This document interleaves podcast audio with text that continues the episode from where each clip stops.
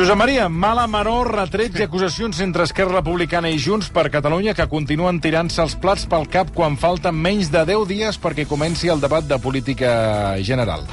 Uh, Mònica Folquet, bona tarda. Hola, bona tarda. Mònica Folquet es farà 5 cèntims de com ha anat el cap de setmana perquè tot apunta que tot són declaracions contra declaracions i Sí. ara mateix uh, no sé ben bé on som. Ara escoltarem les declaracions d'avui de la portaveu d'Esquerra i del portaveu de Junts i sembla que aquest cap de setmana no ha servit precisament per llimar aquestes diferències mm. que deies i de fet el debat de política general que es fa comença dimarts de la setmana que ve tot i que després hi ha una pausa i el segon dia és divendres és eh, teòricament mm, el termini fixat, diguéssim, per poder reconduir aquestes relacions. Avui la portaveu d'Esquerra Republicana, Marta Vilalta, Vilalta ha dit que eh, el problema el tenen a Junts i que són ells qui s'han d'aclarir. Creiem que el que s'ha d'aclarir és què vol Junts per Catalunya. Per tant, no hi ha una crisi de govern. Hi ha una crisi dins- de Junts per Catalunya, una part de Junts per Catalunya vol sortir del govern, per tant, nosaltres el que demanem és que s'aclareixin i que deixin d'interferir en la feina que hauria d'estar fent el govern del qual formen part. Bueno, s'acaba, podem dir que Marta Vilalta s'ha quedat descansadeta. Mm. Això és d'avui. Això és d'avui, és d'aquest matí. No, no, per això dic que I... més, hi posem més llenya al foc. Sí, lluny d'intentar Sí, sí, aproximar. Que s'aclareixin i que estiguin pel que han d'estar. I des de Junts per Catalunya, el portaveu Josep Rius, eh, el que reclama Esquerra és que tinguin clar que van signar un acord de govern i que el que han de fer és complir amb aquest acord. El que demanem és que comencem per allò que és el més senzill, i és que es compleixi amb el que està escrit i amb el que ens vam comprometre, Esquerra Republicana i Junts per Catalunya, a dur a terme. I la millor manera de ser constructius és complir allò que vam, ens vam comprometre a dur a terme, i en aquest sentit eh, està eh, a la mà d'Esquerra Republicana doncs, decidir si vol complir o no amb aquest acord. Escoltant-los, a tots dos sembla ser que aquesta reunió maratoniana de més de 6 hores que van fer la setmana passada, dimecres tarda, tarda nit, mm, doncs no hauria servit eh, per eh, diguéssim que per apropar massa les posicions, o almenys això és el que públicament sembla. Potser no és així. Doncs ho abordem amb el, amb el Josep Maria Martí Rigau. Josep Maria, primer de tot, per què es va fer aquesta reunió al Palau de Pedralbes? Mm, és un lloc neutral. Bueno, sé- neutral, veure. Sí, sí, perquè... No, miri, mira, ho explicaré, ho intentaré explicar.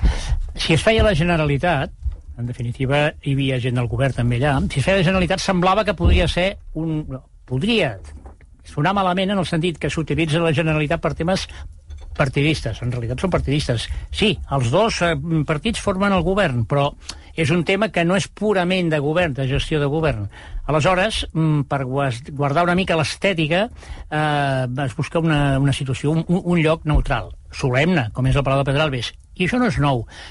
Si fem una mica de memòria, el 9 de novembre, just abans del, de la, de, del referèndum, bueno, del, del procés participatiu que se'n va dir al final, aquell quan el president era Artur Mas, es van fer diverses reunions allà. Una que Esquerra va sortir amb, i va trencar, l'altra que el David Fernández va arribar i les abraçades amb en Mas. O sigui, es, si ho recordem, ja es van fer allà. O sigui, la fórmula és aquesta. Si això es fa al Palau de la Generalitat, té una, una transcendència que contamina, eh, dit entre comentes, però contamina l'acció de govern. D'aquesta manera es busca un lloc solemne, un lloc neutral i un lloc on es pugui parlar amb clau més partidista que no pas governamental o executiu. Una trobada, això sí, a alt nivell, perquè hi havia les cúpules del govern, de, el president Pere Aragonès, eh, hi havia Laura Borràs, eh, hi havia el conseller Puigneró, la consellera Vilagrà, i després, eh, per part dels diferents partits, també hi havia, per part d'Esquerra, Marta Vilalta i, i Josep Maria Jové, i per part de Junts, Jordi Turull i Albert Batet. De, sabem res de com va anar aquesta reunió de més de 6 hores?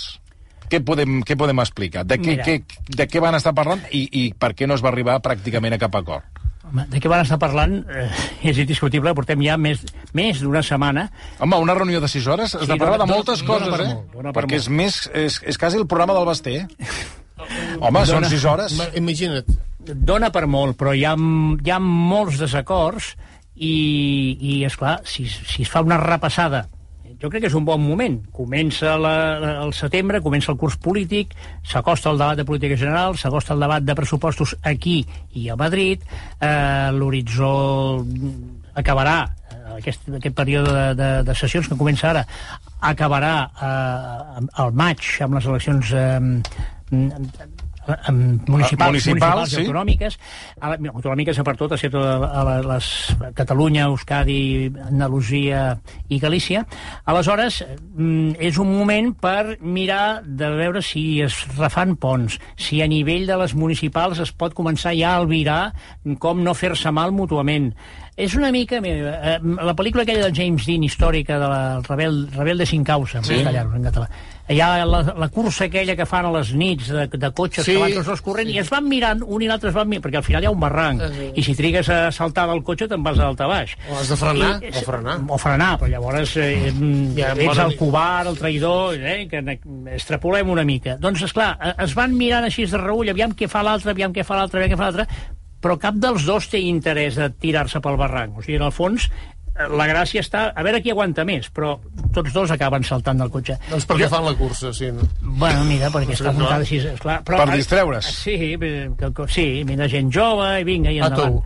En aquí, eh, en aquí es van veure obligats a pactar, Esquerra i Junts en el seu moment per la dinàmica electoral, i, és clar ja, ja es veu que són dos partits que cada vegada, i a la diada s'ha escenificat moltíssim, s'ha s'ha visualitzat molt més, cada vegada n'hi ha un que va per aquí, un que va per allà, constantment hi ha retrets, malentesos, malfiances, però és més, és més a nivell de partits que no a nivell de govern. Els consellers, els consellers de Junts no volen marxar. Els consellers de Junts diuen que funciona. I els consellers d'Esquerra et diuen, oficialment i oficiosament, allò en particular, no, no, és que nosaltres la feina la- la- la- l'anem fent. Tenim les discussions típiques d'un govern, això no, aquesta partida la necessito aquí, el que, el que ha de fer un govern. Però les discussions aquestes tan partidistes són més de fora que de govern. Però, esclar, això sí que taca, contamina, condiciona l'acció de govern, perquè, esclar, la gent diu, ah, aquests només es barallen, no fan res, i quan el govern adopta eh, qualsevol decisió de govern, els consellers, repeteixo, d'un i d'altre, diuen, home, no li traiem prou brillo, prou brillantor, perquè, és clar l'envoltori polític partidista ens està condicionant. I quin paper juga aquí Òmnium Cultural i l'ANC? Mm, doncs miri, eh, prim... Perquè uh, si fem la...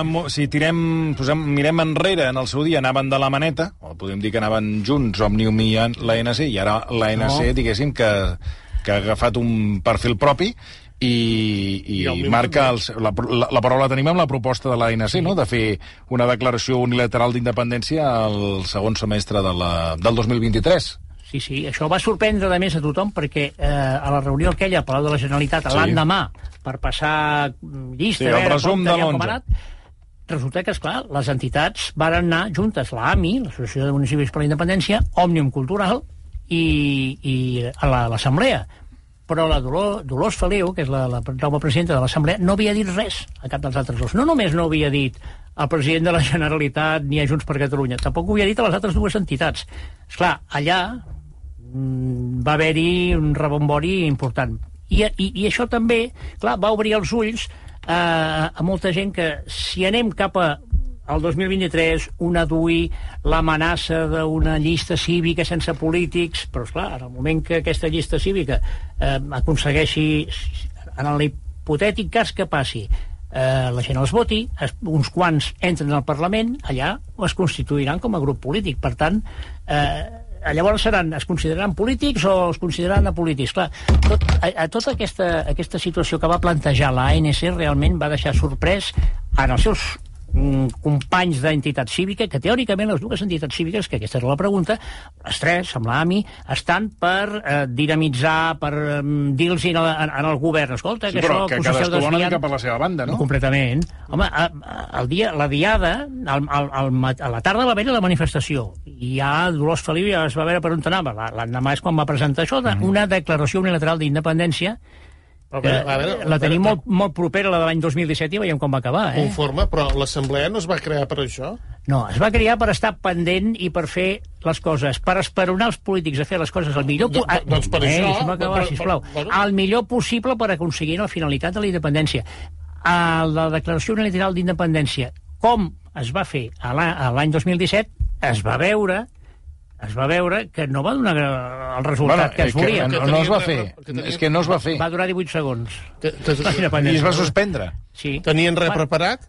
Ah, llavors, Bueno, sí, hi havia coses preparades, sí, no, no, no, i sí. no. Al final, el que va passar a, a, a la nit, això ja ho hem explicat altres vegades, va haver un, un, un, eh, va haver un detall, que a més va ser cosa de, del Santi Vila, del conseller Santi Vila. Van estar tota la nit, mm, què fem, eleccions, eh, pleguem, d'això, no, el 155, la Guàrdia Civil, no sé... I al final, al final, el Santi Vila, que tenia, era l'únic del govern que tenia, el, algú l'ha de tenir, el fil, eh? amb, amb, amb l'adversari, tenia el fil de l'Anna Pastor, i es passava la nit trucant-se amb l'Anna Pastor, I ho sabia tothom. Sí, però és que, és que, escolti, és que algú ha de fer aquest paper. Sí, sí. No, no, no, ni, ni parlo a favor ni en contra, algú l'ha de fer aquest paper. Perquè si no parles res amb els contraris, no saps per on et vindran.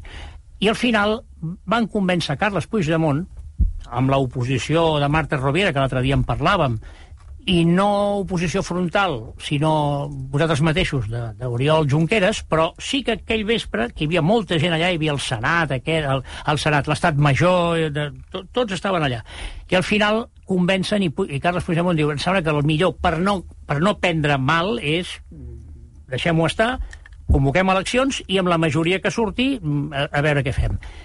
I això era, era matinada, eren les dues o les tres del matí. I Santi Vila, això, això ho explica ell, eh? si parleu amb ell us ho diu. Jo el vaig convèncer, llavors vaig agafar el Puigdemont i vaig dir, era molt, som molt amics, vaig, vaig dir, home, donarem una sensació de república bananera absoluta convocant aquí una roda de premsa i fent un comunicat tan important com aquest a les dues o les tres del matí. Esperem, anem, ens afaitem, ens arreglem, i demà al matí a les 11, a les 12 del migdia convoquem... Que hi havia aquella convocatòria Sí, que senyor. és quan es va generar aquell famós aquí tuit de, de. Gabriel Rufián. I aquí, exacte, les monedes Les de plata... i monedes tot de plata. Exacte, bueno, i això i altres coses, i plors, i crits, i moltes coses. I a partir d'aquí ja, ja no s'hi va arribar a temps. I va guanyar el 155 i ja han vingut Bueno, però 5 ara, anys. perdoni, eh, però posem-nos a dia d'avui. És a Sí, dir, hi ha sí. aquesta proposta de l'ANC que, evidentment, no ha estat comprada ni pel... Ni per ni, ni pel exacte, ni, per, ni, ni, pel, ni pel president aragonès, ni per Esquerra Republicana, ni per Junts per Catalunya. ningú. Ni per Laura Borràs? No, No. no. no. Perquè a no, l'ha- no, no l'ha comprat ningú. Turull Aleshores, ha afirmat, perdoni, Turull No, no. Ha, ha afirmat dues vegades, jo l'he sentit dues vegades, que en aquest tema hi ha una, no, o sigui, no, hi ha, no hi ha veus discordants Ah. no amb aquest tema, eh, d'anar a la una i no trencar-ho tot, perquè efectivament hi ha, hi ha, hi ha dues tendències dins de Junts per Per Catalunya, això- per això però en aquests moments, Turull diu que en aquests moments s'ha acordat anar, en aquests moments, eh, repeteixo, tots a una. Conforme. val, aleshores, el, a on anàvem? El debat de política general. Sí. Què veurem? Veurem el És a dir, veurem què? Eh, una certa picabaralla entre els membres del diferents... Eh, entre els partits polítics del govern, o no? O, I és més, es parla de l'opció de que Esquerra Republicana està preparant el terreny per si Junts marxa del govern. Mm, jo encara, a mi, a mi personalment em costa creure bastant Que marxaran. que, que, que marxaran, francament. Els, repeteixo, els consellers no ho volen. Se senten, es van sentint veus, però és, és que també Esquerra estava, sota el meu punt de vista, eh, estava mm, molt més combatiu i beligerant fa, un, fa uns dies que ara. Ara sembla que tothom intenta afluixar una mica. Junts demana tres demanarà tres coses, que ja els està demanant, eh, no els de rècord, sí, però, però no de la manera solemne que ho demanaran al debat tres, tres punts perquè, perquè s'acabin aquestes discussions, com a mínim, s'acabin com a mínim fins als municipals, eh, fins d'aquí 7 o 8 mesos. I una és la, la coordinació a, a Madrid, dels grups parlamentaris a Madrid. Això és molt difícil, això Esquerra no en vol ni sentir parlar.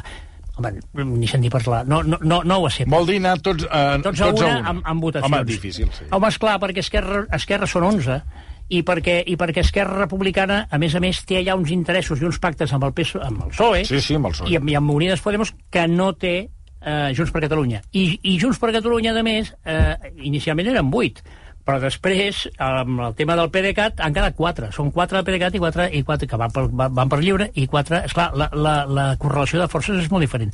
Això no ho acceptaran. L'altra cosa que demana, de les tres que demana, que demana Junts per Catalunya, que demanarà Junts per Catalunya i que es visualitzarà d'aquí una setmana en el debat de política general, és eh, en recuperar aquesta figura que, que n'hem parlat de fa un moment de, de, de l'estat major, es va dir, l'estat major, el senat, o sigui, un, un, un grup que sigui mm, que no sigui ni d'un partit ni de l'altre ni de l'altre, o sigui, ni de- ni ni d'Esquerra ni de Junts ni de la CUP, pot haver-hi gent d'aquest- d'aquests tres partits i pot haver-hi gent de les entitats hi pot haver-hi gent eh, independent, com en el seu dia hi havia l'Oriol Soler o el Xavier Vendrell, tot i que venia d'Esquerra Republicana.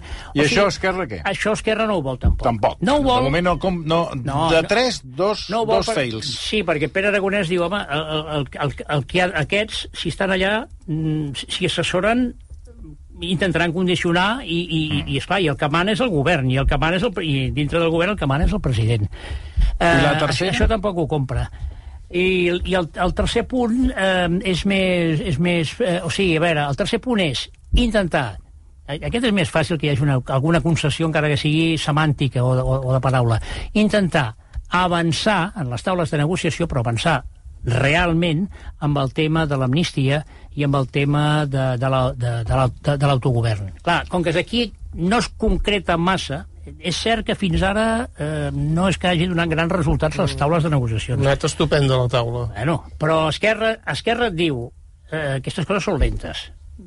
Jo crec que una mica de raó sí que tenen. Bueno, de la taula, ara que parla vostè de la Sí. taula, eh, i que tenim els tres punts. A, a tot això, perdoni, d'aquests Sí. tres punts, Esquerra no els hi compra pràcticament cap? El primer segon no, El, el, el tercer veurem. bueno. Això comportaria alguna reacció de Junts? No. A veure, si Esquerra fa alguna concessió o alguna petita concessió... Però si no en fa cap, si no en fa cap, Turull no ha dit... eh, tots vam entendre que aquí s'acabava el termini sí. el dia del debat. Ara ja no, no, no Ja. diu exactament això. Diu, a partir del, del, del debat ens reunirem, pensarem, mirarem...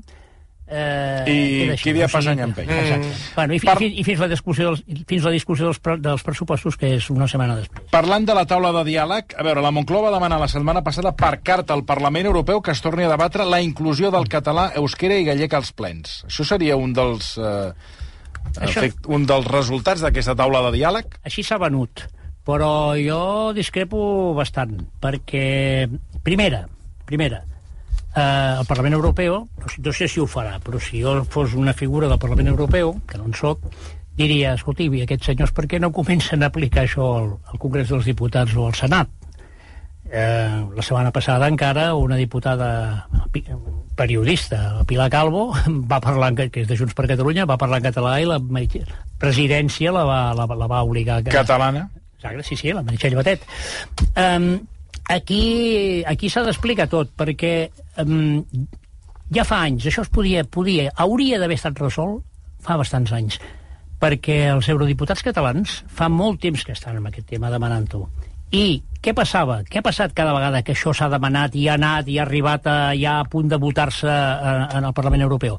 Que els membres, i això ho dic amb totes les paraules perquè he estat així i ho he viscut a primera persona, els diputats del PSOE i els diputats del PP han anat a fer campanya en contra, perquè votessin en contra, els seus col·legues del Partit Popular Europeu i del Partit Socialista Europeu. I han votat en contra sempre. Quan Borrell va accedir a la presidència, va, es, home, vostè, que és català, tal, van tornar-ho a demanar. I l'excusa de, de Josep Borrell va ser és molt car, és molt car perquè les traduccions, ui, és caríssim, una, només faltaria ja amb els idiomes que hi ha, ara sobre català, gallec, basc, però català, es parlava català. I llavors va passar una cosa significativa. Uh, si estàs per Estrasburg i per Brussel·les, pels passadissos aquells immensos que, que ja cone que Sí, sí. coneixem tots, sents parlar anglès, francès, italià, espanyol, però també sents molt català. Hi ha molts eurodiputats catalans. Eh, ai, perdó, eurodiputats, eurofuncionaris. És, una, és, és impressionant la quantitat d'eurofuncionaris catalans que hi ha.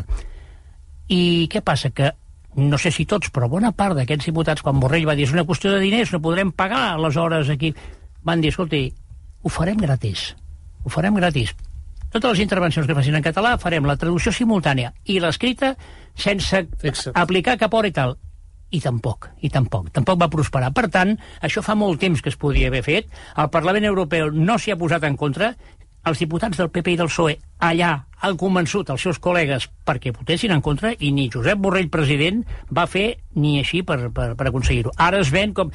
Ara hi ha una novetat significativa. És la primera vegada que... Això sí, això sí que és veritat. La primera vegada que el govern espanyol ho demana per escrit oficialment. Això no havia passat mai. Però, repeteixo, es podia i s'hauria d'haver ar- arranjat fa molt de temps. I, és clar, eh, torno a fer la pregunta amb la que començava, no, no sé com ho veieu aquí, però, clar, i, i, i el Parlament Europeu pot dir, escolti, per què el Senat i el Congrés no, no ho apliquen, Mm, això? No? Poden passar la, la pilota al... Exacte. al, M'he al... m'he allargat, perdoni, però és que, és que, és que, és, és que aquest tema em sembla va, in, increïble, d'un cinisme. Eh, per acabar, parlem de la inhabilitació de Meritxell Serret, que s'enfrontarà a un any d'inhabilitació i 12.000 euros de multa per la seva implicació en l'1 d'octubre. La Fiscalia l'acusa per desobediència greu. L'actual portaveu d'Esquerra al Parlament, que va marxar a Brussel·les per esquivar el judici del Suprem, eh, recordem, en va tornar fa un any quan va quedar clar que no entraria a presó. El TCJ TCJC posarà data al judici quan tingui també els escrits de defensa, tot i que amb la sentència del Suprem a la mà són bastant...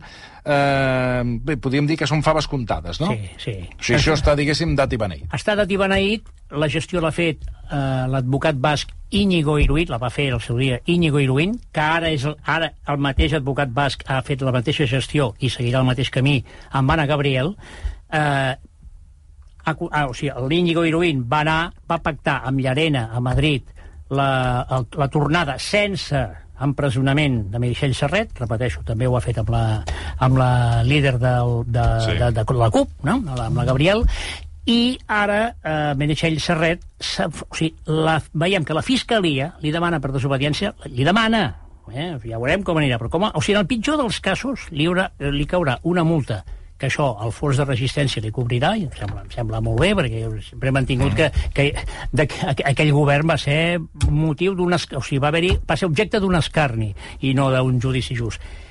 I com a màxim, com a màxim, un any d'inhabilitació i d'aquí, com a màxim, eh? O sigui, uns mesos d'inhabilitació, que no podrà ser diputada, i hi haurà multa que li pagarà, que, que, pagarà el fons de resistència. Per tant, eh, afortunadament per ella, i jo crec que, que està bé, Meritxell Serret ja se li, acaben, se, li, se li estan acabant pràcticament els problemes, se li acabaran també a Gabriel, i llavors a l'exili quedaran doncs, molt pocs, quedaran tres o quatre persones només. Doncs avui ho deixem aquí. Estarem molt pendents del que passa la setmana vinent, tot i que crec que hi ha molt soroll per no res, com deia Shakespeare, exacte.